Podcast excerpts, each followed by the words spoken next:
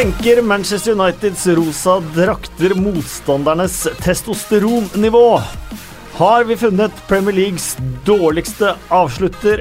Fortsatt to lag med full pott etter fem runder. Vi titter på de aller fleste både lag og resultater i løpet av podkasten.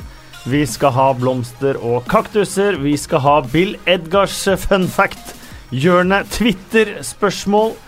Og så er jo det store, store spørsmålet fra fredagens podkast. Får Endre Olav Osnes, kommentator og prest, vote of confidence? En hel tweet med mer Endre Olav fra Halvard Lindstad, likt av fire personer. Og en av dem var deg, Endre Olav. Takk til Det får, det får, det får holde. Det, det er lov å like sånne tweets selv. Selvfølgelig. Selvfølgelig. Og da er det jo hele fire, inkludert deg. Så gjerne se mer enn Olav i monitor. Ja, det holdt. Det holdt, Det så det er deilig. Vet du hva? På, på iTunes, i kommentarfeltet der, var det faktisk ganske mange nye kommentarer. Og der har vi ikke fått mer enn tre kommentarer totalt siden mai. Men etter podkasten sist så rant det i kommentarer med folk som ville ha deg i podkasten, Det var et uh, frieri, så jeg vet ikke om det er et uh, godt tegn eller uh, dårlig tegn. et meget godt men, tegn. eh, jeg takker, i hvert fall, og det er sett. Jeg tenkte jeg ikke skulle nevne det selv, for det høres bedre ut hvis noen andre sier det. Meget bra levert. Publikum vil ha mer enn Olav. Her er mer enn Olav, og her er mer Simen Samse Møller. Velkommen. Takk. Har du hatt en fin helg? Ja, veldig mye fotball, og øh, i det hele tatt ikke noe å klage på. Vært litt snufsete. Men jeg har fått kommentere matcher igjen. Det var veldig gøy. Det er, det apropos siden mai, det har jeg ikke gjort siden mai. Så jeg er litt ute av trening, men jeg fikk kommentere to matcher. Det synes jeg var Selv om det ikke var I hvert fall Newcastle-Arsenal-matchen var jo ikke så kul. Det var mange andre bedre kamper, men det var moro. Skal vi begynne på Chelsea mot eh, Cardiff? Matchen som endte 4-1 til eh, Chelsea, og Chelsea som da har vunnet samtlige kamper til nå under uh, nye manager Sarri. So how would you describe then your style of play? Sarri ball. I am not able to describe it. Uh, I think uh, that uh, it's your job. You are a journalist. You have to describe it. Simen, vær så god. Ja, det er jo For en herlig fyr, altså. Your job, Ja, Simen. your job as a journalist. Uh, det er jo en Det er ikke en beskytta tittel. Eksperter Ekspert er i hvert fall ikke beskytta tittel. Journalister er heller ikke er det. Det er veldig mange som plutselig er journalister og eksperter, og jeg veit ikke helt hva jeg er, egentlig. Eh, men jeg kan jo først og fremst si at det er eh, morsommere å se på Chelsea enn på veldig veldig lenge. da Det var gøy under Conte også, de spilte bra fotball. Det er litt misforstått at han er en sånn manager som kun kun spiller på resultat. Da. De, de tar jo sjanser, Contes lag, og spiller seg ut bakfra osv. Men, men med Sarri så er det jo eh, show hver gang. Og hvis man skal forklare det ganske fort, så er det at de kjapper seg å eh, angripe. Og det går så fort, og ballen skifter eier så ofte. Syns det var ganske beskrivende det eh, Det er vel 2-1-målet til Hazard hvor de får frispark midt på Cardiffs banehalvdel. Og Jorginho er liksom eh, Han kan ikke vente på å få tatt det frisparket. Raskt, pum, pum, pum, pum. Tre sekunder, fire-fem sekunder senere så ligger ballen i mål. Det syns jeg beskriver stilen til Sarri ganske godt. Det var ganske beskrivende det 1-1-målet. Det var jo et helt eh, rasende mål. Den derre pasningen, knallhard pasning forbi ledd fra Rodiger. Overhopp fra Hazard. Følsom touch fra Giroud, og så setter eh, Hazard fart på skøytene.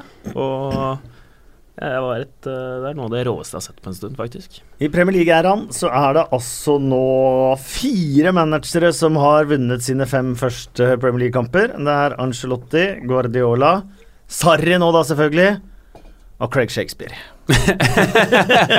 Selvfølgelig. Selvfølgelig. Solbamba hadde en artig match.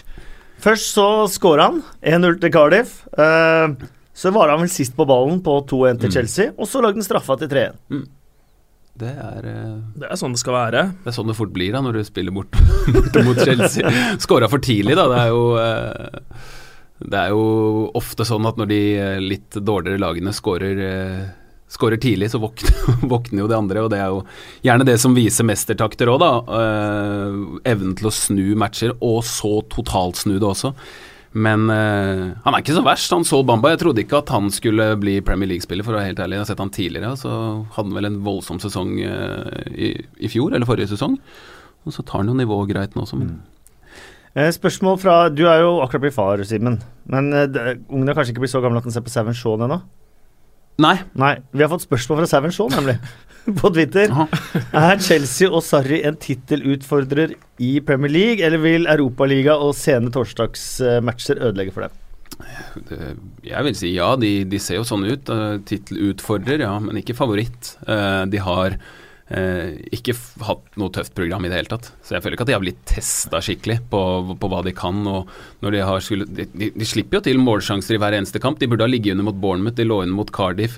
De sleit voldsomt til tider mot Arsenal, så det er jo på ingen måte noe ferdig eh, byggverk, det der. Men når de blir gode om tre måneder, så blir de fryktelig gode. Neil Warnock, uvant å se han eh, blid og fornøyd etter eh, tap. Rolig og flegmatisk. Eh, og han sa vel også etter matchen at uh, han veit om tre lag som er dårligere, så det er ikke noe stress. Men han vil ikke si, han vil ikke si hvilke tre lag som er dårligere enn Cardiff, men hvilke er det han mener? Nei, eh, det er jeg usikker på. Men Det kan jo være de eh, bak han på tabellen. Huddersfield, Newcastle og Burnley, men jeg er veldig usikker på om de faktisk er Ja, du tror Er ikke, du tror ikke på at det finnes tre dårligere lag? Nei, det er litt eh, men Det er fascinerende å se de eh, spille, men Chelsea um, Saribal de rakk å slå 766 pasninger i den kampen. Det er flere enn City hadde hjemme mot uh, Fulham. Altså det er Det er vanskelig, da. Cardiff måles jo ikke Nå har de, de, er de ekstreme der. De var jo ganske gode mot Eller ja, gode til å være dem mot Arsenal. Og så bort mot Chelsea. Kan ikke forvente noe, noe særlig der, men det er litt sånn på, på samme måte. Vi, vi vet jo ikke helt fortsatt. eh, og det svinger så fælt. Jeg syns nivået på de lagene som, som Endre Olav nevner spesielt, det er ganske jevnt, og så handler det ofte om flytsone og sånn. Og så plutselig så får man en god følelse i laget. Eh, og, så, og så er det det. Det er jo altfor tidlig å si hvem som skal rykke ned. Nå har de, de har jo fått testa seg litt mot kanskje de lagene han eh, mener, da. Mot eh, Newcastle og eh, Huddersfield. Endte vel 0-0 i begge de kampene, så, så nei, han, er, han er fet, han. Manchester City de slo Fulham eh, 3-0. Ikke bare det, de hadde 28 avslutninger eh, mot eh, Stefan Johansen, som startet sin første Premier League-kamp. Eh, 3-0, 28 avslutninger. Det var såpass dårlig, mente Pep Guardiola, at han inndro fridagen til spillerne. Sendte dem på jobb. eh, skulle gå gjennom eh, matchen med de alt de gjorde gærent. Eh, det sier vel mye om eh, Guardiola, kanskje? Ja, han er jo sånn. Eh, Han er jo helt manisk. Altså På de der eh, episodene i den dokumentaren så Vi har snakka om det tidligere, tror jeg, i programmet i poden, men, men han, er jo, eh, han er jo så intens, og det går jo på innpust og utpust, og engelsken hans er bra, den, altså, men mye av det han sier, jeg skjønte ikke bæret, og spillerne, når de skal få så mye informasjon på så kort tid, og fordøye det, og liksom, ok, greit, ta det inn. Eh, det er et utrolig godt lag, og han er eh, en av verdens beste managere, og de passer jo veldig godt sammen, men jeg tenker jo at det er umulig å få med seg alt, og i hvert fall få det ut på banen. Når de i tillegg spiller bra og får så mye. Han vil jo, virker det som, enda mer enn spillerne sine. Han, eh, han sa jo et par ting etter kampen. Han var veldig sint for at eh, Bernardo Silva skøyt over på den kjempesjansen han eh, fikk. Um, eh, it's impossible to miss it because of his quality, but they missed it, and I said, wow. My reaction and extra expression is when they miss simple thing, things that I cannot handle in myself. So one guy has the ball and they miss the ball and an extra simple pass and extra touch. And after miss the pass, that's why I'm still now so angry. det er ikke lett å spille Manchester City. Nei, det er jo ikke det. Eh, Jeg sleit litt med å henge med der, men det var to feil etter hverandre. Ja, det var han sur for. Bernardo Silvas, ja. Bernardo Silvas ja. over eh, der. Og det at de skal gjøre det Det er vel det at han syns spillerne sine er så gode, Ja, da. jeg skjønner, jeg skjønner at han eh, Det, det jeg syns kjennetegnet Barcelona Altså ikke kjennetegnet, men det jeg lot meg imponere veldig av, av eh, dem når de var på det beste under han, det var at eh, det var, det var greit med én dårlig pasning, men det skjedde aldri Altså, da klarte neste å reparere. Så de redder hverandre, liksom. Så hvis han har mista det momentet, så skjønner jeg at det irriterer han, eh, faktisk. For det var en suksessoppskrift i Barcelona. Det finnes noen andre managere i Premier League som ikke hadde vært eh, Luther fornøyd med 3-0 eh, hjemme. Jeg tror det. Jeg, jeg tror de, de, de andre Det er jo jobben deres og... å Men hvis andre som ville inndratt fridragen til spilleren fordi de vant 3-0? Det tror jeg ikke, men han, han er jo klar over hvor vanskelig det er å, eh, å gjenskape da, en, eh, en god sesong. Og i hvert fall har vært det historisk i Premier League de siste åra. har vært umulig å vinne to år på rad. Og da må man kanskje gjøre det på den måten der, og det er derfor han passer til. Og det er derfor Manchester City ble ble tippa øverst også. Det er ikke bare fordi det er så bra, men det er fordi at han er så innmari intens og, og gir så mye beskjeder og står på hele tiden. VAR ble testet ut på utvalgte arenaer i Premier League denne helga. Litt sånn i, under radaren. Manchester Citys kamp mot Fulham var én av de, og det var den eneste situasjonen hvor VAR hadde brutt inn, ifølge rapportene etterpå. Eh, og Det var på den offside-greia, men det tyder vel på at VAR Det er siste sesong uten VAR. Det er nok det.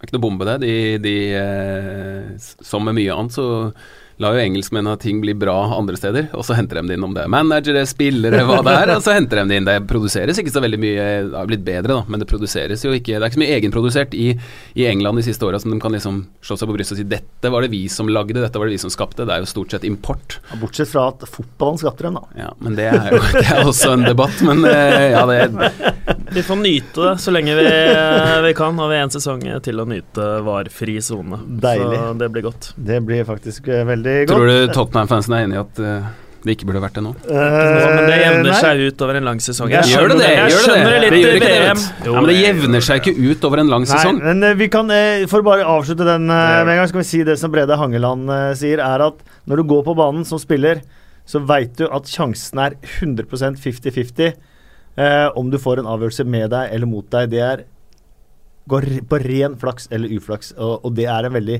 et veldig deilig utgangspunkt. For en forsvarsspiller? forsvarsspiller. For, uh, ja, Brede Hangeland var forsvarsspiller, han. Ja. Det er et deilig utgangspunkt før man går på banen. Jeg likte-. Likte det han sa om at spillerne er innforstått med Mm. at det er sånn. Mm. Uh, Det går for, og det går eh, imot. Så da må vi eh, vi, må, vi, vi trenger ikke ta den uh, varediskusjonen Det har vi gjort eh, her nå, men eh, ganger. Brede var uh, sterk der. og Jeg gir min fulle støtte til.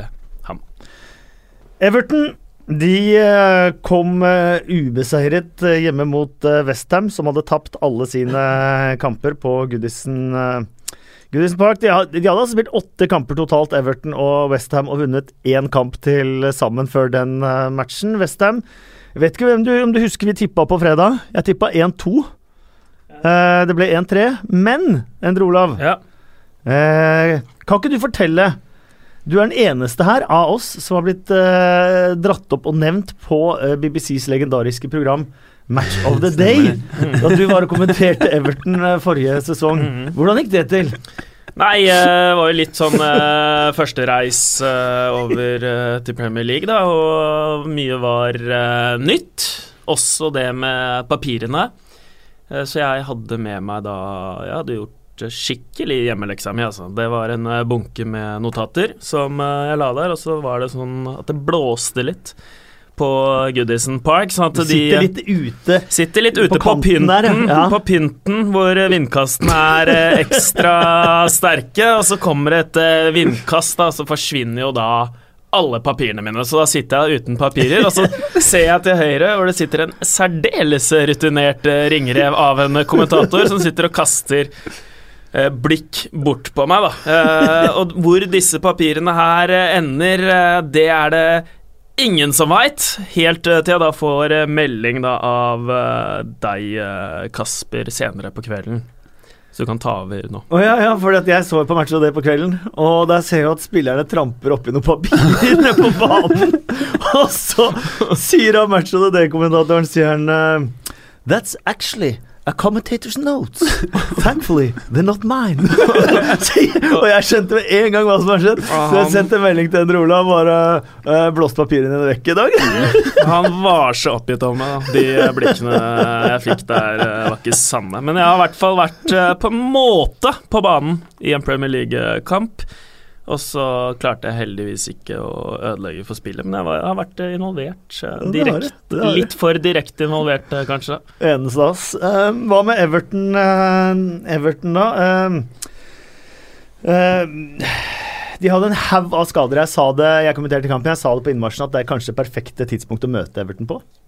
Med Ja. den skadelista de har. Ja, altså da blir det jo litt, litt dårligere spillere som skal spille en, en fotball som de ikke mestrer så godt. Og hvis man ser på skåringene der, Westham sine mål, så kommer de etter balltap. Eh, Everton, ganske raske omstillinger. Jeg tror det er tre-fire pasninger maks på alle målene. Som, om det er fra keeper eller fra, eh, fra spiss som ikke klarer å ta imot ballen, litt sånne ting. Så, så plutselig det, de, de klarer De er jo ikke, fortsatt ikke et bra lag til å forsvare seg, når de da spiller ganske ambisiøst, litt mer ambisiøst nå enn det de har gjort tidligere. Så plutselig så, så taper de mot Westham. Altså. Men selvfølgelig et par eh, ting der. Schneiderlin hadde jo en fryktelig omgang, ble bytta ut eh, før eh, pause. Men beskjeden var jo da også at han hadde mista faren sin i løpet av uka som, som var.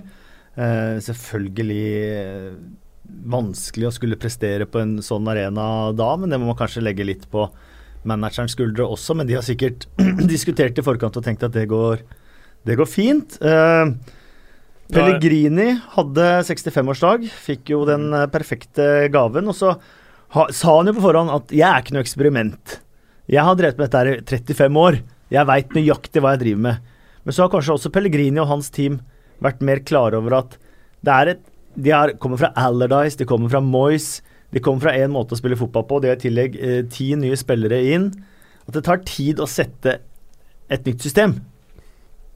Ja, jeg ville jo gjerne ha han eh, sparket, jeg, i, eh, før- før runden-podkasten. Men nå, ble det på en måte revitaliseringen av eh, nevnte, da. Og ikke minst Jarmolenko. Men det er klart, det der tar tid. Og det eh, vet jo alle. Men eh, problemet er at man har ikke så god tid. Man har dårlig tid. Um, mye overskriften også uh, på Lucas uh, Perez, uh, som uh, plutselig begynte produser og fokusere veldig mye på benken eh, der, og rapportene var at Lucas Perez ikke ville bytte inn. Det ble benektet av Pellegrini etter match. Lang statement fra Lucas Perez selv på Twitter eh, om at det er noe han aldri ville gjort, men at de varmer opp i femminutters sykluser eh, på tur. Og da Arnatovic ble skadet, så hadde han satt seg mens eh, Antonio var klar til å hoppe innpå. Høres logisk ut? Bare Ja. begrave den.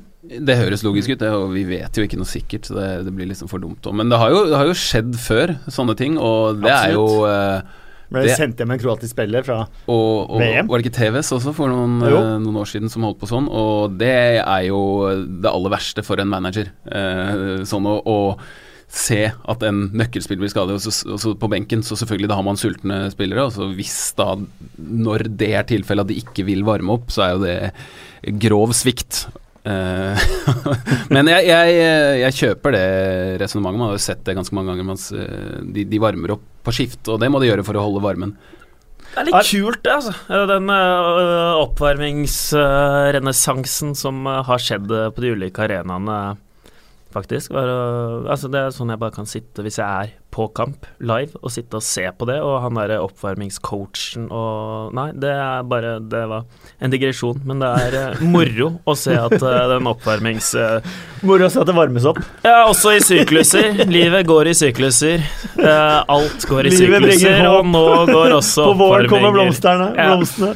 Ja. Ja, men det er jo Det var bare Kasper her som hadde et sånt refleksjonsdypdykk. men det, det tar vi kjapt. Altså, på høsten så dør ting, på vinteren er det bart, på våren så begynner det å spire og gro, og på sommeren så blomstrer det. Og sånn er det Lukas med momentum. Sånn er momentum. Sånn er det med Du ser det spisser, noen er enda villere. Tåsund han har en veldig synlig sånn syklus. Kane har også det. Og nå går også oppvarmingen i det. Men eh, da har jeg brukt opp uh, tiden min på det. Men det er kult å se.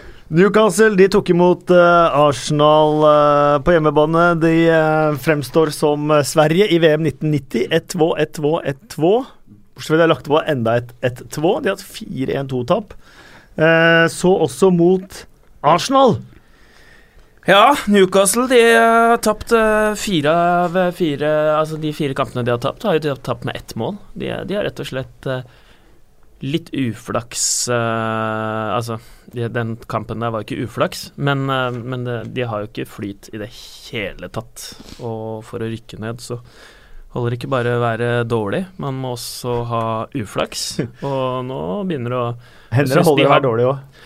Ja, men du skal ha litt uflaks i tillegg til det. Ja. For du skal være ganske dårlig for å rykke ned. Eh, Og da må man ha uflaks i tillegg, og Newcastle de, de begynner å ha begge deler. Det var dårlig nivå på den kampen. Det var ikke mange som var oppå oppe på sitt beste. Altså. Da mener jeg begge lag, men spesielt Newcastle. Så gjør det litt vondt å se utover i andre omgang eh, på benken bak Benitez så sitter eh, John Joe Shelby. Ser ut som han ligger på en solseng, liksom opp med armen sånn og bare han, han må jo i hvert fall være utpå der, hvis Newcastle skal eh, være gode. Han må det. Eh, Han må spille. Veldig valid innspill eh, her fra Vegard eh, Sørensen. Hvorfor starter ikke Torreira? Jeg syns han har vært med på å snu kamper for Arsenal hver gang han har kommet innpå igjen. Apropos det med at ting tar tid, og det er jo Det er det jo bare altså, Unai Emery har, har vært med på mye. Han har hatt mange forskjellige jobber. Han har hatt store, vanskelige, tøffe jobber. Dette her er jo hans vanskeligste. Eh, og så skal han øh, sette ting kjapt. Da så jeg at han øh, Matteo Guendouzi ble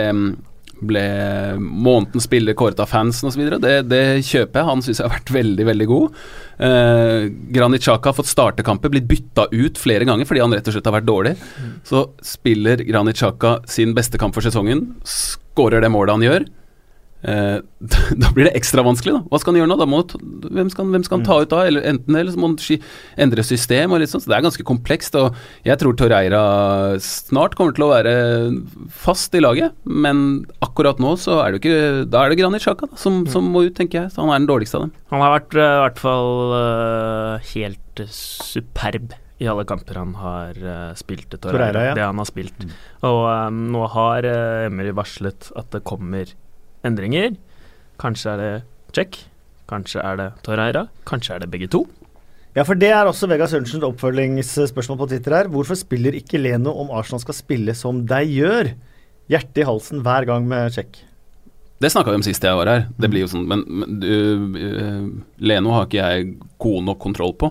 Men man, man ser jo at uh, Peter Check er verdifull, han òg. Altså, I den, den ene redningen han har, eh, det målet de slipper inn, så er det for seint for Newcastle. Det hadde ikke vært eh, så sent hvis han hadde sluppet inn den litt tidligere. Den headinga, det er jo eh, og, og så har det sikkert noe å gjøre med hvem Peter Cech er i den gruppa òg. Mm. Eh, og eh, det har jo sett veldig rart ut. Eh, men da er eh, da er det vurderinga til Emry at det er enda viktigere å ha de som stopper skudd, enn enn de som kan, øh, kan Og han var faktisk ganske god med føttene også. Petter Cech nå, selv om han hadde én ut til, til corner der. Én hver match, i hvert fall. Det er viktig, det er viktig som eh, manager å komme inn og vise en eh, viss form for ydmykhet òg. Og det er en måte å vise en eh, ydmykhet eh, på. Det er å la spillere tilpasse seg og, og gi check, som er viktig i gruppa, en eh, helt ærlig sjanse til å vise seg fram. Så man bare kommer inn og gjør endringene med de man har henta, og ja. Så tror jeg fort eh, man kan Det er i hvert fall en god oppskrift da, på å miste en garderobe. Storkampen i helga var på Wembley. Tottenham eh, ble slått eh, 2-1 av eh, Liverpool. Eh, Liverpool kunne vunnet med seks. Samtidig skulle Tottenham hatt straffe på overtid, og da hadde det blitt 2-2. Mye av det som eh, det snakkes om etter denne kampen, er om Harry Kane har blitt dårlig til å spille fotball. Men det har han jo ikke. Han, ble, han, var, han var jo mye bedre forrige sesong spille fotball enn det han var eh, sesongen før der. Bare sånn i, i alt mulig annet enn å skåre mål, og det har han jo fortsatt. Så er det jo Det er jo brutalt eh, å spille så mange matcher og, og ha Han sier selv han ikke er sliten. Nei, men det, ja, det, det han, han, sier, han har jo gjort seg selv spilleklar selv om han har vært skada, helt åpenbart skada flere ganger, og så har han spilt. Så spør man han, så får man jo et svar som ikke nødvendigvis er helt ærlig, eller han, han vet kanskje eh, ikke sitt eget beste heller. Og eh, den kampen der eh, viser jo veldig mye eh, hvorfor man Hvorfor det er gunstig å få inn nye spillere. Ikke nødvendigvis pga. Kane, men se på hva eh, signeringene til Liverpool har gjort med Veinaldum og James Milner, kanskje spesielt. De har jo aldri vært bedre, noen av dem. Og det tror jeg har mye å gjøre med at det er konkurranse om plassene. Det, nivået er høyere i treningshverdagen og alt sånn. Mens eh, for Tottenham så er det det, det samme, og det stopper seg litt. eh, Det er helt naturlig det, at det går litt i samme tralten. At det ikke Det er veldig, veldig vanskelig å ta steg bare fra dag til dag uten å liksom kikke seg over skuldra og se her kommer det faktisk noen som, eh, som utfordrer. Da. Det er ingen som utfordrer Harry Kane, f.eks. Mm. Det, det, det er jo greit, han skal jo starte uansett, men sånn er det på alle posisjoner nå, i og med at de ikke har signert noen nye spillere. I tillegg uh, sier Pochettino før, på pressekonferansen før Interkampen at VM Han forklarer at VM har rammet dem tungt. Og det tror jeg faktisk på. For Hvis man ser på det Arsenal-laget, så er det veldig mange spillere der som gikk langt Tottenham. I, ja, Tottenham. uh, som gikk langt i uh, Flest VM. minutter, tror jeg. Ja, og det går, det går bra selvfølgelig i starten uh, av Premier League når alt er nytt og spennende og sånn, men man får den knekken, og nå blir det en stor utfordring. Nå kommer det veldig, veldig mange kamper, og det ser vi også. Nå har han jo latt enkelte spillere faktisk bli hjemme, som A annet. decision at Aldevareld og Trippier ikke er med til Milano for å spille mot Inter på tirsdag kveld. Han slått opp i ordbruk, ordboka. ja, han, han var småhissig på det der. Men det virker jo som ikke alt er fryd og gammen. Nei, men det er jo ikke det. Han, han er veldig dyktig, syns jeg, til, til, til, å prate for seg og, og med måten han er på, legge lokk over problemer. om det er spillere som har ønsket seg vekk, om det er manglende signeringer, om det er sånne ting som slitasje, så har han vært en drøm for Daniel Levy og ledelsen. fordi han er så Alle elsker han, og alle hører på, på det han sier, virker det som. Fansen, det er jo det er ikke måte på hvor mye kjærlighet han får derfra. Det forstår jeg. Og man, man, kan også forstå at det topper seg litt. De, de, har så mange oppdrag, de managerne, med mikrofonen foran seg. Og til slutt så må han jo bare bli lei og bare Ja, men jeg kan Jeg får det ikke til å gå opp her. Noe, jeg må ofre noe. Og til slutt da så kommer det den første lille sånn uh, glippen i uh, tålmodighet fra han også. Det er menneskelig. Mm. Eh, sånn startet eh, ikke. Eh, hvorfor ikke? Tenker jeg, og da tenker jeg litt med utgangspunkt i det vi snakka om på fredag også, Endre Olav. Mm. Eh, Ally eh, ute, kanskje den perfekte kampen for, eh, for sånn. Og det viser seg jo litt at det ble sånn også. Harry Winks med sin første start på et halvt år. Det fungerte dårlig, sånn som den midtbanen var satt opp også sammen med Dyer og Dembélé. Mm. Nei, men han har jo vært ute og spilt turnering, sånn. Så det er en uh, vurdering. Jeg har ikke noe forklaring på det, annet enn at uh, det så bedre ut når sånn kom inn. så veldig mye bedre ut. Og form i mål, det så ikke mye bedre ut? Nei, men Nei, han leker jo med såpestykket et par uh, ganger. Og det, de, de, målene, det må jeg bare si, det er jo bra av, bra av Liverpool, men du ser i forkant av den 0-2-skåringen hvor han Trippier bare Han følger ikke med i det hele tatt. Eh, og så er det ikke bare han som eh, feiler, men Fertongen er det vel som rører, og noe form i tillegg rører. Men bare, blir det bare det vegg, Ja, det blir rør, men, men det veggspillet Trippier går på først der, når Mané stikker bak ryggen hans, det er rett og slett mangel på konsentrasjon, og det tror jeg er på grunn av mange viktige kamper. Og da, da blir det technical det da blir det technical, for det, det å ta. Men apropos uh, technical, det vil si jeg tenker på teknik, teknisk, tekniske feil. Uh, uvant å se så mange tekniske feil fra midtbanen til Tottenham eh, allerede denne sesongen. feilpasninger og, og, og Det er ganske stor forskjell på hvor god teknisk Dembélé og Eric Dyer er. Dembélé har ikke vært på sitt beste. Eric Dyer er jo ikke spesielt smidig og teknisk god. I den kampen her så, så var han dårlig, altså. Mm. Eh, og, Men jeg føler det er Må Pochettino ta litt av skylda for når han setter han på en midtbane sammen med Dembélé eh, og Winks. Eh, for da kan jo ikke Dyer spille på det han er god på, som han er vant med når han spiller med andre spillere rundt seg på midtbanen. Ja, men han må, han må, jo mestre det. Han spiller jo ofte uh, på midten, og de spiller De åpner seg, og spillere er jo utover hele banen når, når Tottenham spiller, så han må mestre det. Han må kunne det, og, og da kan man se det på den måten, eller man kan fortsette på det samme som jeg snakket om i stad, det med at hvor, hvor Liverpool da har Hvis du kan sammenligne ham med Jordan Henderson, da Jordan Henderson som, som, sitter på benken, og det er ingen som, som savner han, tror jeg, av Liverpool-fansen. Hvis Eric Dyer hadde fått sitte litt og, og eh, midtbane hos Tottenham hadde spilt veldig bra, så hadde man kanskje skjønt det at eh, ok, han har eh, han, han, er ikke noe Han passer til enkelte kamper, og så er det noen andre kamper hvor han ikke burde spille. Jeg tenker at Eric Dyer, sånn som han Det han kan, det må jo være bra å ha på banen når man spiller mot Liverpool, i utgangspunktet. Altså for, for, å, for, for, å, beskytte forsvaret sitt. Men sånn så det jo ikke ut nå. Han var ikke gå med ball, ikke gå uten ball. Eh, Liverpool må vi eh, rose litt etter en eh, meget sterk kamp på Wembley. Tapte 1-4 der forrige sesong, vinner 2-1 denne sesongen. Eh, Salah Vi kan ikke ta det negative. Salah skårer jo ikke mål. Man ser jo ganske frisk ut. Man, mm. Jeg mener han blir for egoistisk uh, for tiden, men eh, Liverpool Det er ikke bare han, da. Det er ikke bare han som i så fall de Men Liverpool som sådan, da. Uh, Veinaldum ja. uh, har vært helt outstanding i alle kampene jeg har sett han nå. Han traff på 92% av pasningene på motstanderens halvdel. Og det er oppsiktsvekkende tall, bare for å forsterke det du og Simen har sittet og sagt. Hvorfor har han uh, blitt så god nå?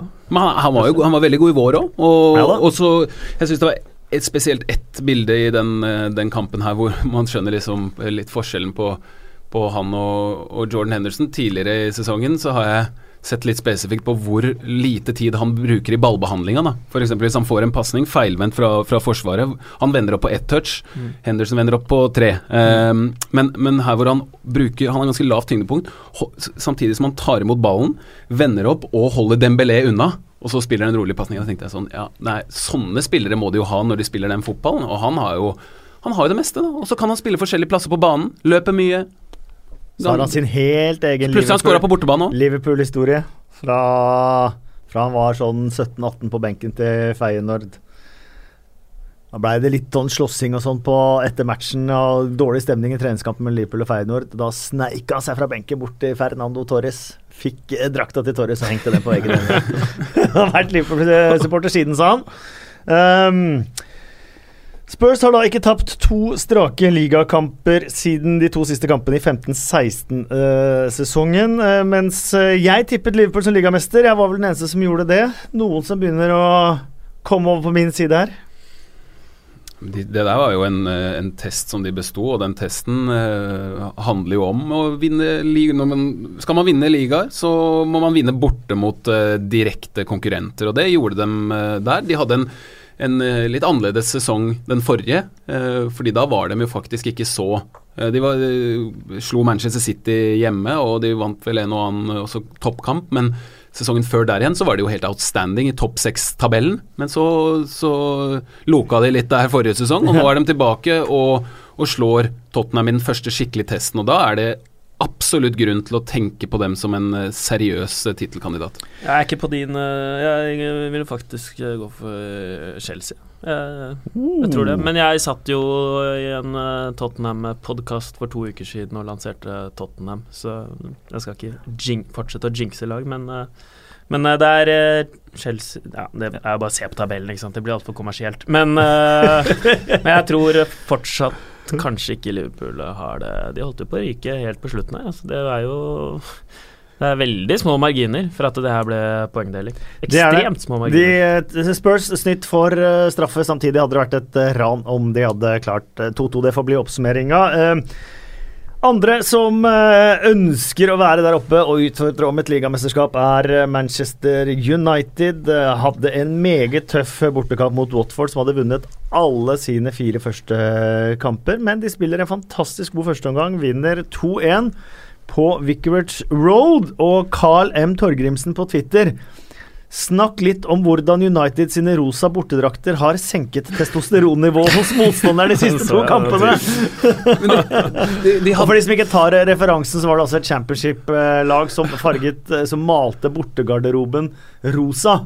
Eh, for å senke testosteronnivået til eh, motstanderne sine. Men det betyr de hadde da altså ikke de rosa draktene mot Brighton i den matchen. Og jeg syns det er veldig veldig stor forskjell på innstillinga, innsats, eh, rett og slett gjennomføringa til Manchester United i de to siste bortekampene nå, og i den Brighton hvor de bare så helt sånn Nei, de så ikke interessert ut. Hvor de i hvert fall nå gjør det, og står Det virker som at det er et lag som står på for både manager og fans og i det hele tatt. Det, det er det der eh, Det er det der man Det er derfor fansen ble så forbanna, tror jeg, etter den Brighton-kampen. For da hadde de ikke noe innsats. Det var liksom, det skal, I hvert fall skal det ligge i bånn. Det gjør det nå. Det er ikke sånn De spiller ikke outstanding uh, fotball, men de vinner kamper, og de klarer Og det er det er tøffe matcher borte mot Burnley og borte mot uh, Watford. Det er uh, ikke verst. Altså. Apropos de draktene, bare De er veldig, veldig lyserosa.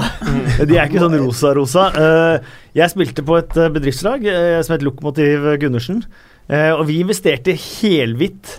Eh, draktsett. Veldig veldig fint. Men da hadde vi også veddemål. Hvem er den første som kommer i den lyserosa fargen? Kanskje egentlig ha dørslag på drakta også. Det, det går jo, det òg.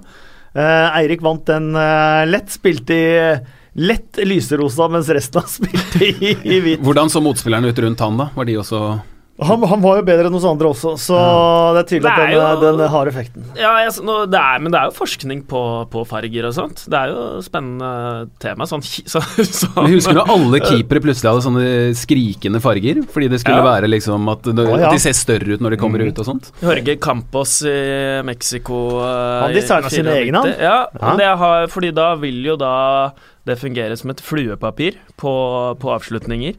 Så det kan eh, Jeg skal ikke overskjelle det temaet her, men eh, det kan være forskning bak det. Vi, jeg sier eh, ikke at det ikke er forskning bak det.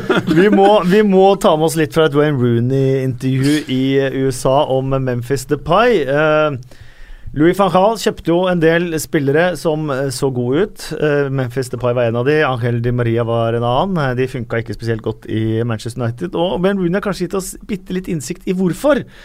Um, he He came on versus Stoke and messed it up, so Van Gaal made him play for the reserves the next day. I said, don't you turn up with all your fancy stuff. Og der kom Memphis Depay for å trene med juniorene. He turned up in his Rolls-Royce wearing a leather jacket and a cowboy hat. I just thought, what's the point? Apropos ydmykhet. Han har fått en renessanse igjen, han og Depay. Han har det. i uh, Lyon. Så gjør det bra for landslaget òg. Så spennende Spennende type. Spennende, han trenger nok eh, litt sånn frihet og litt eh, mer Rolls-Royce og Han må få lov til å komme med cowboyhatten sin, liksom. Ja, han må det. Eh, men Giggs sa jo at flashy lifestyle var en greie. Så har han selv sagt at han ikke trivdes med seg selv.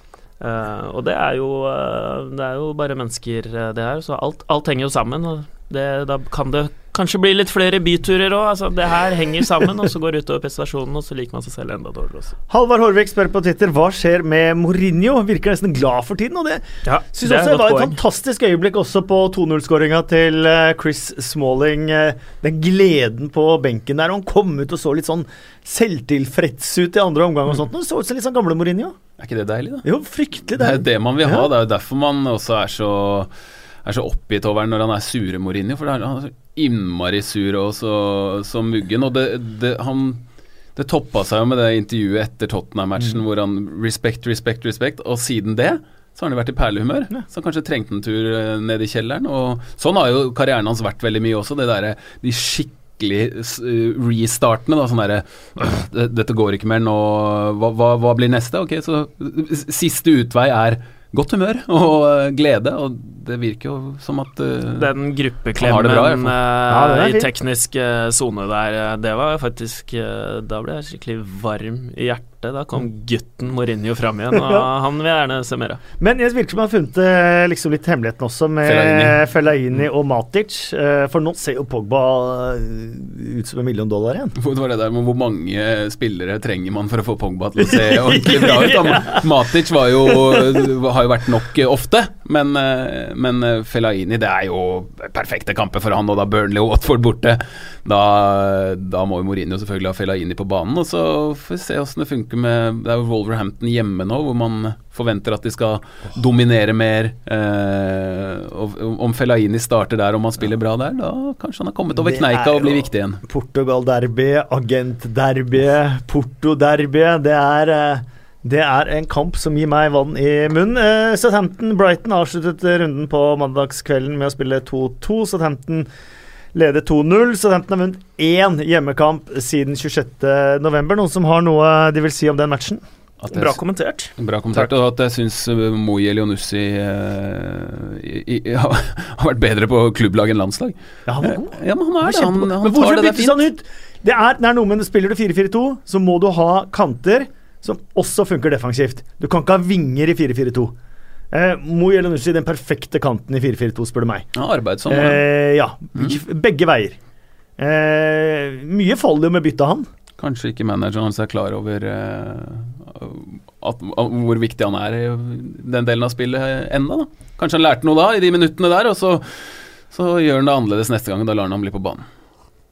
Herlig med Glenn eh, Murray. Du Eh, passer til, du passer til sånne eh, mandagskamper, Kasper. Er du enig i det, Simen? Man bare sitter i stua der og, og vil ha mer fotball, men selve runden er på en måte slutt, og så er det én kamp igjen. Så er det sånn Det energinivået der, hva kan, man, Kasper hva, kan vi få, hva kan vi få ut av dette her, liksom? men Så- Modern ja, Football leverer jo Stort hver sett. gang. Stort sett. Ja, stort sett. Ja. Jeg blir så skuffa hvis det blir sånn 0-0 Ja, da, da blir det sånn derre Dette er det Bare- verste i verden. Ja. Det skal være en sånn Everton-West Brom-kamp, 0-0, hvor det var sånn Hvorfor gidder vi å se på fotball, egentlig? ja, man blir, føler seg så snytt når Ja. Modern fotball ikke leverer, men så er det så deilig når det leverer også.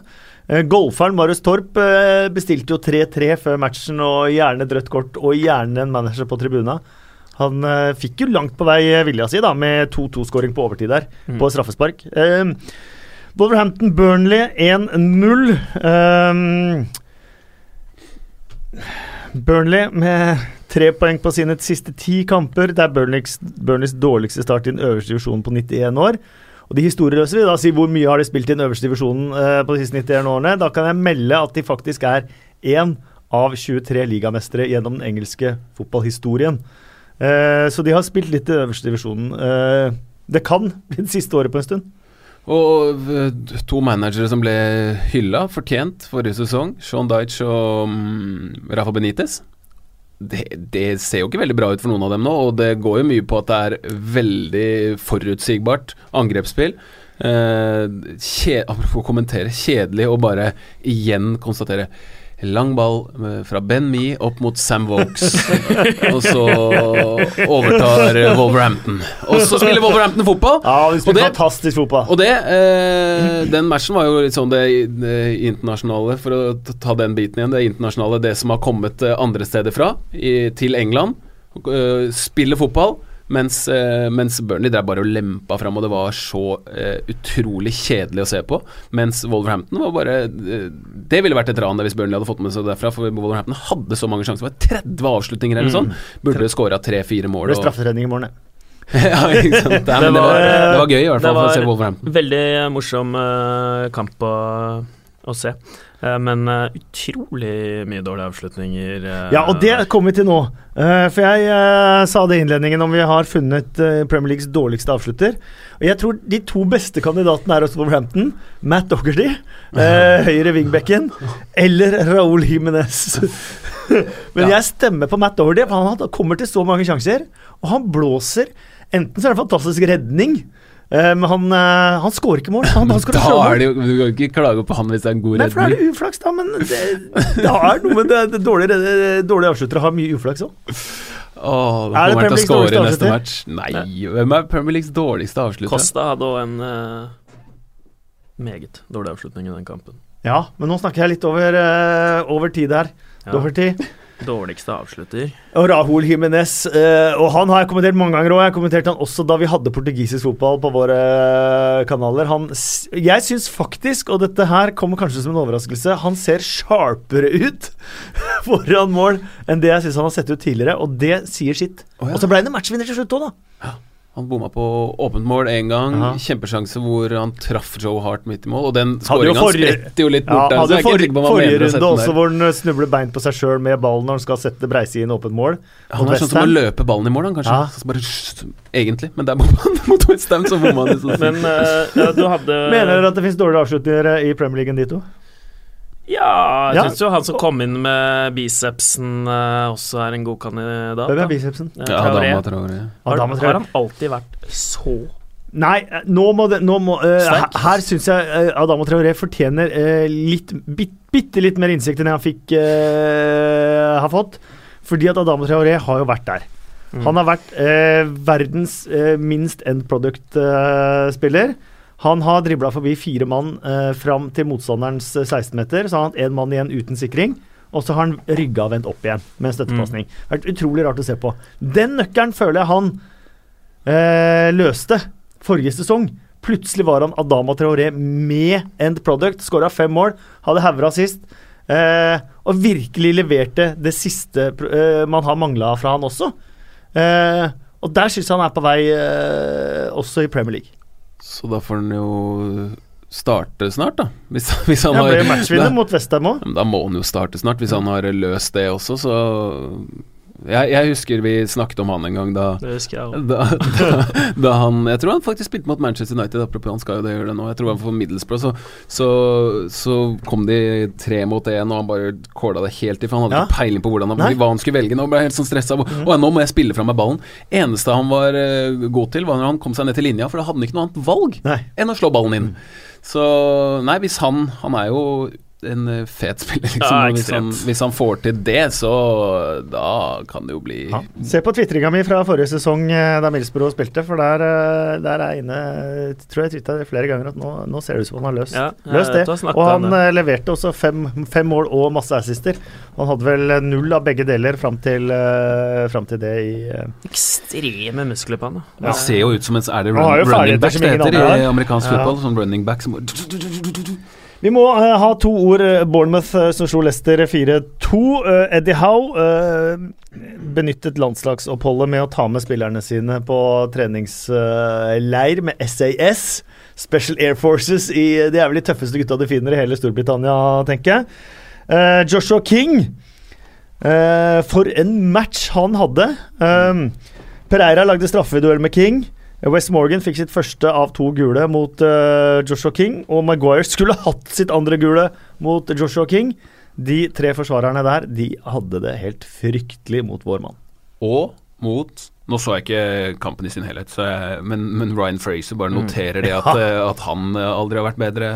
To mål, tre målgivende på fem matcher. har Han Han har vært uh, Bournemouths beste i uh, så å si alle kampene. Han er helt eh, enorm. Og Callum Wilson har vært bra òg, og, Ja, ja. og får veldig mye skryt. Og da tenker jeg jo Da har de jo eh, Da har de spillere som kan straffe et hvilket som helst lag. Det, det er bare man, man blir så imponert av Bournemouth at de fortsetter å, å eh, få resultater. Og det er liksom nå en, en, en selvfølge at de er et Premier League-lag, bare det. Og at de i tillegg da spiller så morsom fotball. Og folk blir overraskende. Jeg forteller at eh, stadion tar 11 000. Det er en god del til- eliteseriearenaer som er større enn uh, din kort. Ja, hvor Du skal til Sarpsborg Nei, det er jo ikke nå, men neste. Ja. Er Den er nå bygd ut til 8000. den er til 8000, ja. Så det er jo nesten på nivå med 11, det Bournemouth. så har du jo eh, Start og Molde og Rosenborg og Vålerenga og alle som har større. Den er jo Marienlyst er jo nesten på størrelse med, med Bournemouth, den nå. Um, Bournemouth uten poeng på de fire første kampene forrige sesong. Nå har de jo fått en helt annen start da, og ser ut som de ikke trenger å blande seg inn i eh, det hele tatt. Uh, Huddersfield Crystal Palace det endte 0-1. Den traff du vel ganske perfekt på? Den traff jeg klokkereint på. Den, Olav. eh, det er vel ikke så altfor mye å si annet enn at uh, han maskoten Terry the Terrier må være Premier Leagues morsomste maskot. Han uh, lever i kampene i 90 minutter. Du kan nesten se på han hvordan matchen uh, går. Setter seg ned og sutrer og sturer når det går dårlig. Er omtrent inne på banen når det går bra. Men eh, jeg må ta én liten ting. her. Wilfried Saha har jeg kritisert mye i denne podkasten her. Jeg mener han har falt lett, filmet, holdt på. Fått straffer han ikke skulle hatt, vært eh, overdramatisk. Men nå behandles han så røft i hver eneste kamp at det nesten er en skam å se på. Jeg sa vel det etter matchen òg, jeg vet ikke hva jeg skal si. Må brekke et bein for at det skal bli rødt, og det er grunnen til at jeg mister hodet noen ganger. Vi så han fikk jo gult selv etter å ha tatt igjen uh, ordentlig der òg. Og da spør jeg deg, hva syns du er verst? At han filmer, eller at han blir sparka ned mye? Jeg liker ingen av delene. Ja, Ja, men svar det nå, er, du nei, det er, stiller jo- det er pærer og plommer, det. Du Nei, det trenger ikke å være det. Jo, jo, jo, Han filmer eh, fordi han må eh, Men nå- men- men- beskytte seg selv, Ja, akkurat som eh, Neymar. Det er en det. eh, naturlig del av, av spillet. Nå kommer sikkert folk til å bli rasende. Ja, men, for du men, er en forkjemper for filming, det Nei, jeg er ikke det. Jeg er ikke forkjemper for filming, men folk holder i trøyene til hverandre på hjørnespark. De jukser til seg innkast, jukser til seg hjørnespark. Man eh, kommer inn med knottene først. Altså, vi må slutte å begynne å ta fotballspillere på moral, fordi alle har lyst å strekke seg litt ekstra for å vinne, og det her skjer ute på en eh, bane. Ja, han filmer, eh, men eh, hvis han gjør det for mye, så skjer det som skjer nå. Han må betale prisen for det selv, eller han kan få gult kort. Det her handler om hvor villig man er Hvor langt man er villig til å strekke seg for å vinne, og jeg synes ikke det er noe bedre å drive og holde i trøya på et hjørnespark enn å filme, og så får folk bli rasende på det resonnementet. Siden det er presten som prater, så får jeg si amen, da. Men, men eh, jeg, jeg vil legge til også en ting, Ja, ja, jeg- en ting som jukses med hver eneste fotballkamp. Eh, spillere som ber om eh, avgjørelser som de vet er feil. Mm. Ber om innkast, ber om cornere, ber om sånn, og så bare Det er bare liksom helt greit. Her, blunk, liksom. Jeg prøvde meg. Det er jo juks og fanteri, det òg. De Det- prøver jo å påvirke dommeren. filming. Herregud, verre filming! Det veit jeg ikke, men jeg, jeg syns i hvert fall at det som, er som motspiller er det helt i samme klasse. Det som er i samme klasse, nesten, eh, det skal jeg være med på. Eh, det som er i samme klasse, det er å løpe til dommeren og be om gult kort på motstander. Eh, for det mener jeg er ekstremt ukollegialt. Eh, mangel på respekt for de du spiller mot. Det samme er filming. Og så setter dere på andre siden av bordet og forsvarer eh, filming. Jeg forsvarer ikke filming, men det er ikke noe bedre enn å lure til seg et eh, innkast høyt oppe i banen som også også kan avgjøre eh, kampen.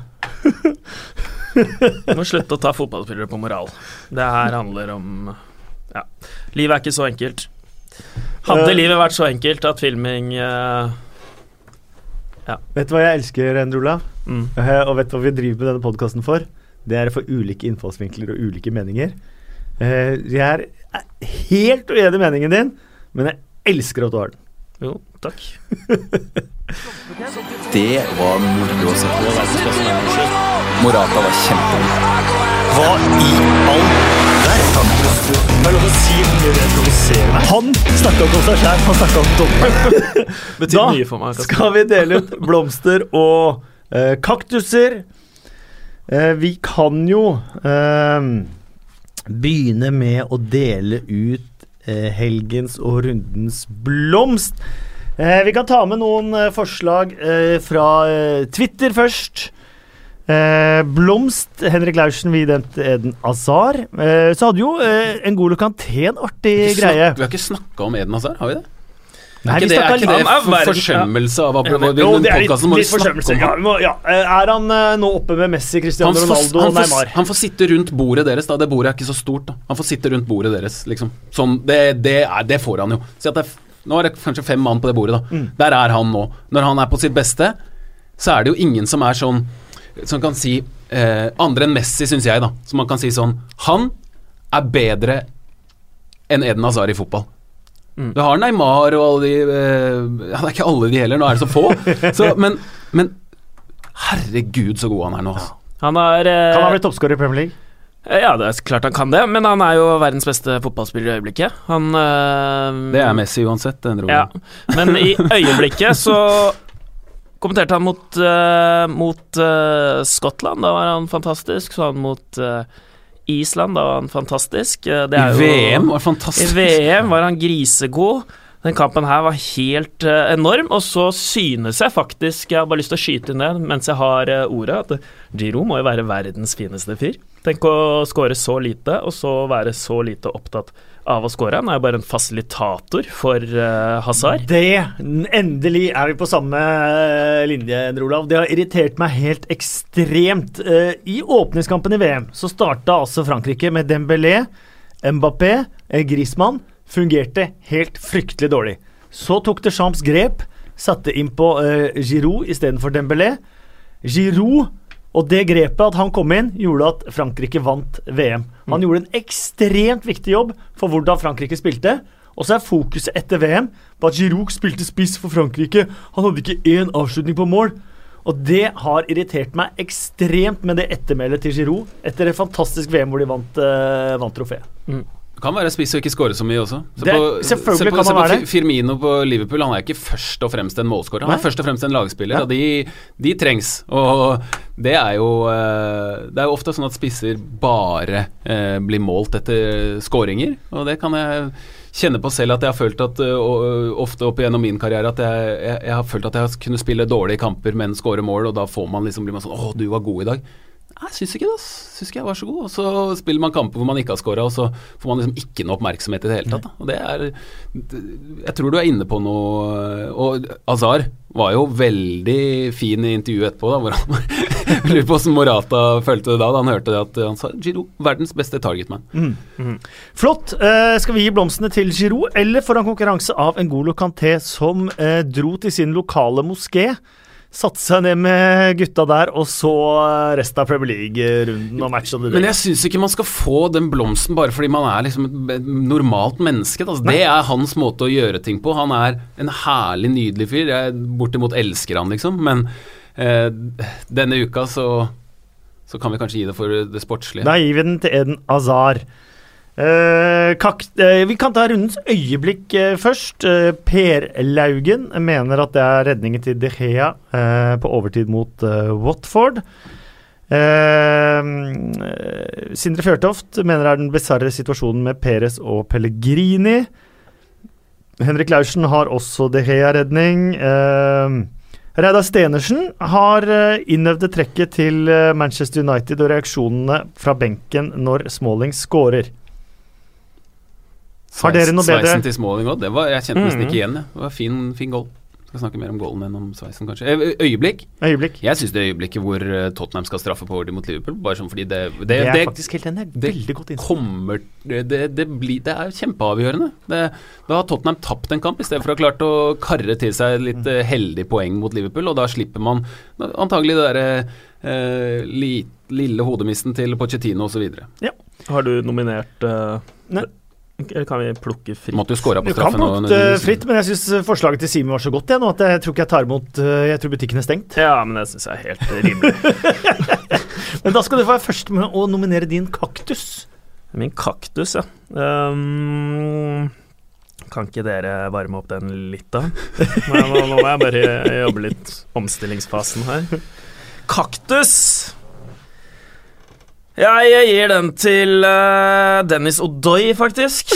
uh, og Fulham, fordi uh, her kommer de borte på Etiad, og det er en grunn til at trenere sier at i første omgang nå så slår vi ned mot hjørneflagget, fordi da skal man ha en sjanse, og så får man bare krige seg inn i det med spille på litt lav risiko i starten, og så kommer det utspillet, og så mister de ballen, og så er det to minutter gått, og så er hele kampen over. Du har jo klaga, du har skrevet en blogg om at det er for kjedelig å se på kampene mellom topp og bunnlag fordi det ene laget ikke møter opp, og så prøver Fulham å spille fotball, og så slipper de inn, og så var Nå det er, du, nå er du kjedelig, Simen. Men- For det første har ikke jeg sagt det Endre Olav sa, det var Endre Olav sa, det var ikke jeg. Men uh, jeg er enig med han. smilte. Det er lov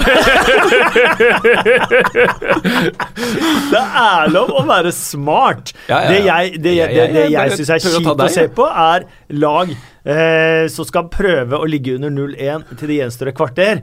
eh, og så, eller gjenstår ti minutter, og, Mhm. Og, ja, og så prøve å angripe. Eh, og bare prøve å låse kamp i 75-80 minutter, og så se om man fortsatt er i matchen så man kan prøve, uten å prøve engang. Eh, å komme seg over midtstreken de første 75-80 minuttene. Det syns jeg er dritkjedelig, og det syns jeg ødelegger ligaen langt på vei. Eh, og det syns jeg også at gjør kampene lettere for de presentivt eh, beste lagene. Og når du også i tillegg ser sånn som David Wagner, som skal spare spillere eh, til de vanskeligste kampene, og ikke, ikke kjøre Det er lov smart, ikke kjøre fullt lag engang. eh, da, da strekker jeg armene i været og sier at det, eh, det er helt ødeleggende, og det syns jeg er dritt å se på. Men å være smart i første, første Litt minutt av match, det er lov. Litt, Ja, eh, altså det er på FTA. Da, er du, du prøver ikke å tre deg ut bakfra i andre spillere. kan du nominere en til, da, som Ja. apropos eh, Kasper Vik- skal du ikke nominere Kasper Vikstad nå? ja, faktisk. Men eh, en, eh, en som faktisk var ute og vel sa at han ikke kom til å gjøre sånne feil som Alison eh, spiller på laget sitt brudd, var vel Jordan Pickford. Mm. Gjorde akkurat det, slapp inn mål. Ja, det er faktisk sant. Uh, kanskje Premier Leagues mest overvurderte keeper, da var den der ute. Uh, uh, vi har jo blitt nominert også, Endre Olav. Trond Simen Nesse mener honorable mention på ukens kaktus bør gå til Kasper, Endre Olav og Espen Veen. Så sitter tre mann i forrige podkast og klarer å konkludere feil på om Richarlison er ferdigsonet uh, karantene. Minst én av dere burde klare å telle til tre, eller?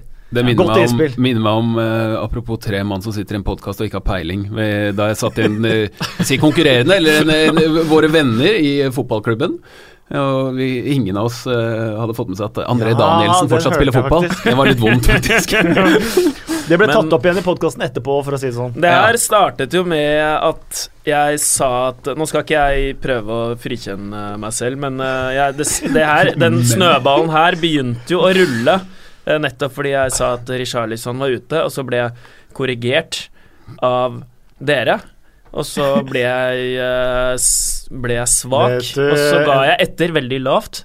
Men, men det var hørt da at jeg samtykket, så jeg gikk eh, ned i det masseveltet.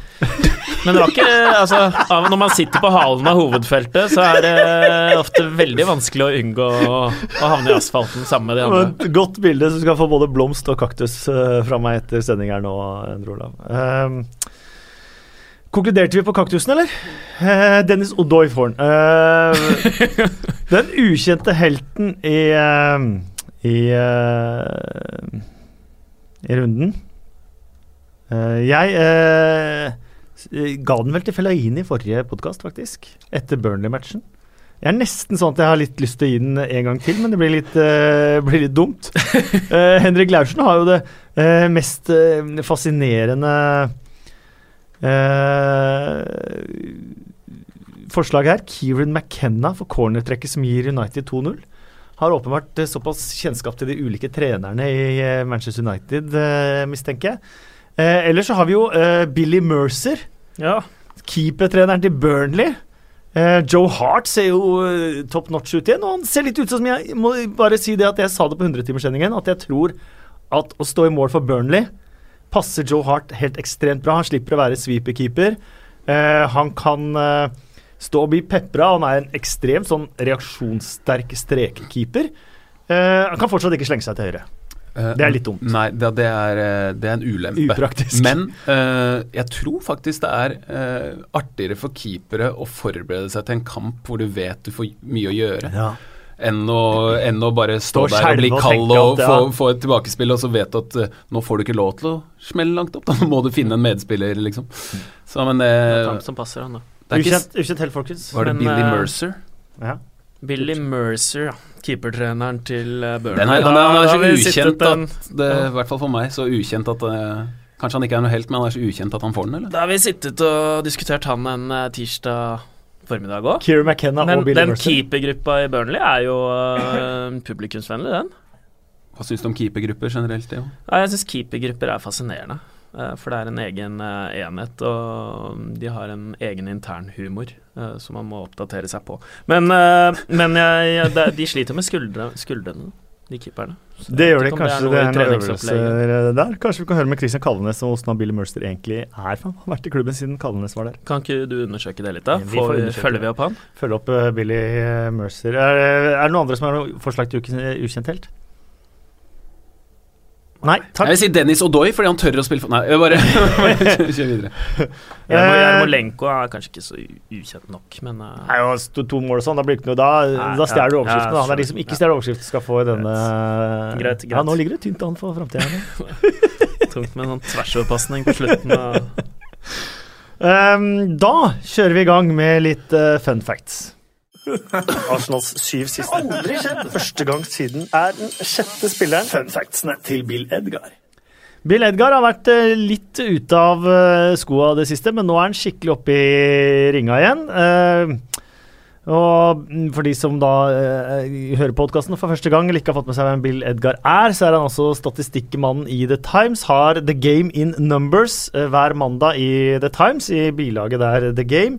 Og har sine artige innspill da, for eh, fra runden som har vært, å konkludere med at Manchester United har vunnet sine to siste bortekamper i Premier League, selv om de har fått mann utvist i begge.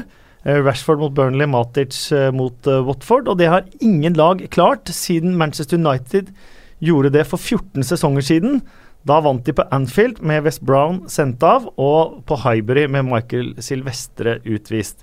Men litt mer kuriøst er det at skader gjorde at Manchester Uniteds Antony Valencia ikke fikk spilt mot Valencia i 2010. Og nå har José Mourinho eh, antydet at han kan, kommer til å hvile Ashley Young mot Young Boys på onsdag. um, Young spilte jo da mot det eldste laget i Premier League, Watford. I helga så har vi tatt med det. Og eh, Manchester Uniteds Chris Smalling skåret sitt med uh, venstrefoten for første gang på 198 Premier League-kamper. Tre minutter senere skåret Romelu Lukaku med noe annet enn føtter eller hode for første gang på hans 192 Premier League-kamper. Uh, Evertons uh, siste seks kamper forrige sesong. Fem kamper ubeseiret, så et 3-1-tap mot Westham. Evertons første seks kamper denne sesongen. Fem ubeseirede kamper, og så et 3-1-tap mot Westham. Uh, og i landskamppausen eh, Nei, skal vi ta her nå? Uh, holde munnen rett i munnen. En brasilianer spilte for Everton på søndag. Mens Everton spilte for Brasil i landskamppausen. Den er fin! Den er fin. Um, skal vi se her uh, uh, om vi hadde noe Ja, den her er også fin. Vet dere hva den engelske toppskåreren til uh, Chelsea det, i 2018 heter? Han heter faktisk Martin Kelly. Ja. Skåret selvmål. Sånn selvmål. Eh, eh, for Chelsea eh, som Crystal Palace-spiller. Han er den eneste engelskmannen som har skåret for Chelsea denne sesongen. Hvem blir neste? Nei, ikke denne sesongen. I 2018. 2018. Hele kalenderåret, faktisk. Eh, men de har jo ikke engelskmenn. De har Gary Cale som ikke spiller, så har de Ruben Loftus-Cheek som ikke spiller, Ross Barkley. og så har de Ross Barkley. Og så har de.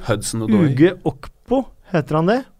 Han er utlånt til Scunthorpe, og han skåra derimot eh, mot AFC Wimbledon i helga. Det var en utrolig surt hjemmetap. Scunthorpe vant eh, 3-2 eh, på Kings eh, Godt at vi fikk prata om det. Ja, det var eh, vi- vi- Hvis vi skal også prate litt om det, så kan vi også nevne at eh, Sunderland gikk vel eh, eh, på en eh, bråstopp i helga også, etter at de har starta meget bra i League One. Mens Middlesbrough, som hadde fire seire, to øvert og null tap, ikke hadde sluppet inn på 561 minutter og toppa championship, de gikk på en meget fortjent bortesmell på Carrow Road. Mot hvem da? Mot hvem? Alexander Tetti var så god. Ehm, Leicester Citys uh, spillere hadde alle etternavnet til Bournemouth målskårer på magen.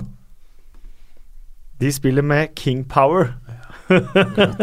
Og King Power heter Joshua King for eh, hjemmelaget. Ehm, mens Bournemouth-spillerne de hadde alle minuttet til Leicesters første mål på magen. For de har jo er- eh, Fun Nei, det er for 88 på magen, som de har sponsa, og Leicester skåra sitt første mål i det 88. minutt.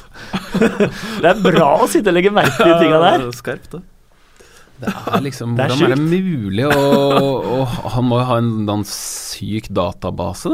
Ja, men det er ikke noe database når du sitter og legger merke til det. at Nei, ikke legger merke til, men alle de andre Han tingene. jo- Sånn der, eller Lukaku ikke har scora med noe annet enn det og det. Da Ja. han ikke, han husker jo ikke alle målene. hans. Nei, det gjør han ikke. Han sitter, men han er jo helt ekstrem på, på det. Det er derfor vi elsker eh, Påskrudd. Elsker uh, Bill Edgar, ja. Um, to, to lag har vunnet samtlige fem første kamper. Um, og det er første gang siden 1905 og 1908 at uh, to lag har gått med full pott etter uh, fem kamper. Så Det er ikke så vanlig. Så gratulerer til Liverpool og Chelsea med Det det. nye Premier League. Mm. Topplagene blir for gode. Ja. Det er Kasper helt enig i. Uh, ja, sånn var det for 100 år siden òg, åpenbart. Eller Mm. 110 år siden. Du husker det? Jeg går i sykluser, det der òg. Ja. Uh, ja, og det er litt interessant, for at det er ikke skrevet i stein hvem som er topp uh, topp, eh, seks, liksom de big six. Mm. Eh, noen av de lagene kan falle ut av det etter hvert. Blir spennende å, å se det. Det var uh, fun-factene for denne gang, men det var både fun og fact, det. Ja, ikke det? To fluer i en smekk, det. Eh, det var det. Eh, vi tar et par eh, kjappe fra Twitter før vi avslutter med fem eh, kjappe. Eh, Ole Andreas Olsen, eh, kommentar i forhold til forrige podkast. Ampadu ble droppet av England fordi han brukte for få touch, ikke for mange. Og det trodde jeg egentlig at vi sa, men da har jeg tydeligvis uh, blanda touch. Ja, det husker jeg ikke. Nei. Nå rynker du. eh, du fikk ikke med deg dette her? Nei. Nei, eh, vi snakka om det på fredag. Ethan Ampadu, eh, Ja, jeg har hørt om uh, saken, men jeg ikke Jeg vet ikke hva dere sa, for jeg hørte ikke på Nei, podkasten. eh, han uh, spilte noen kompetitiv landskamp for Wales. Ja. Han er jo ferdig, eh, da må han spille for Wales ut eh, karrieren. Uh, han kunne spilt for England, uh, men hans tidligere manager i Exter, Paul Tisdale, kunne avsløre at eh, FA var på han da Ampedu var førstelagsspiller i Exeter som 15-åring og 16-åring, eh, og sa han brukte for få touch, så det kom aldri til å bli aktuelt for England. Sånn, sånn, jeg har aldri hørt om Aldri hørt om noen som bruker for få touch. Nei, det var veldig mange andre som heller ikke har. Ehm, Martin Skau. Dette blir kanon uansett. Alltid gode gjester i podden, men Simen og Endre Olav, det er drømmeduoen. I egen klasse på formidling, stemmebruk, dynamikk, ordforhold, god innsikt og refleksjoner. Nydelig. Gleder meg. Mye betalt dere han, da? Ja, det varmet. Det er et meget godt innsalg. Takk så mye. Jeg leste det, men jeg følte ikke jeg kunne like det. Men jeg, jeg likte det veldig godt. Otto Gjøran eh, Knop, er egentlig Adam De Gea så gode som alle sammen vil ha det til? What? Ja, jeg kalte David De Gea for Adam De Gea. Det var ikke du som gjorde det? Jeg gjorde det Oh, ja, okay, okay. da jeg kommenterte Watford Manchester United. Jeg vet ikke hvor det, Kvarasai Larsen. Jeg vet ikke hvor det kom fra. Adam Bogdan. Det er fort gjort. Men jeg henta meg fint inn igjen der, faktisk. Åssen gjorde du det? Jeg sa at det er bare én Adam ute på banen her, og det er Adam Messina, innbytteren som kommer inn som venstrebekk der for Watford. Du må holde deg til mandagskamper, du, Kasper. Ja. Det er det eneste jeg kan gjøre framover.